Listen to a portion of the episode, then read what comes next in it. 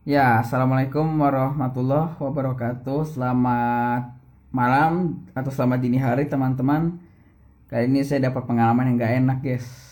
Ya, di podcast episode 5 ini saya menceritakan tentang ya aku dapat hal yang kabar buruk lah. Kenapa? Saya tuh nge-spam banyak stiker di grup Padahal saya lagi tidur sebenarnya. Lalu saya bingung loh. Aduh, padahal stiker yang terakhir aku kirim tuh bukan stiker yang aku spam itu. Aduh, kacau banget. Ada ada aja gue. Hai, hai, hai. Aduh, kacau banget dah.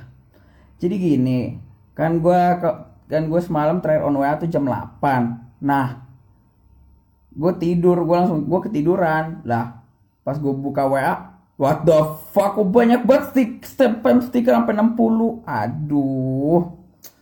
Ah. Bingung gue dah. Ya, mau gimana lagi ya? Gue terakhir on WA jam 8 terus di terus gue nge-spam di jam 9. Terus gua pas gue cek di WA pertama gue lesinnya jam 10. Aduh.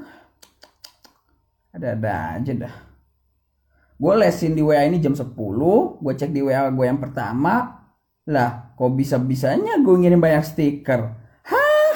Dan stiker yang terakhir gue kirim tuh nggak sesuai loh sama stiker yang ini. Pasti ada yang ngerjain gue nih. Ada yang ngehack WA gue aduh aduh aduh aduh aduh aduh. Kacau kacau. Hah, yaudah sampai sini dulu aja. Terima kasih telah mendengarkan dan wassalamualaikum warahmatullahi wabarakatuh. Gak enak perasaan gue dah.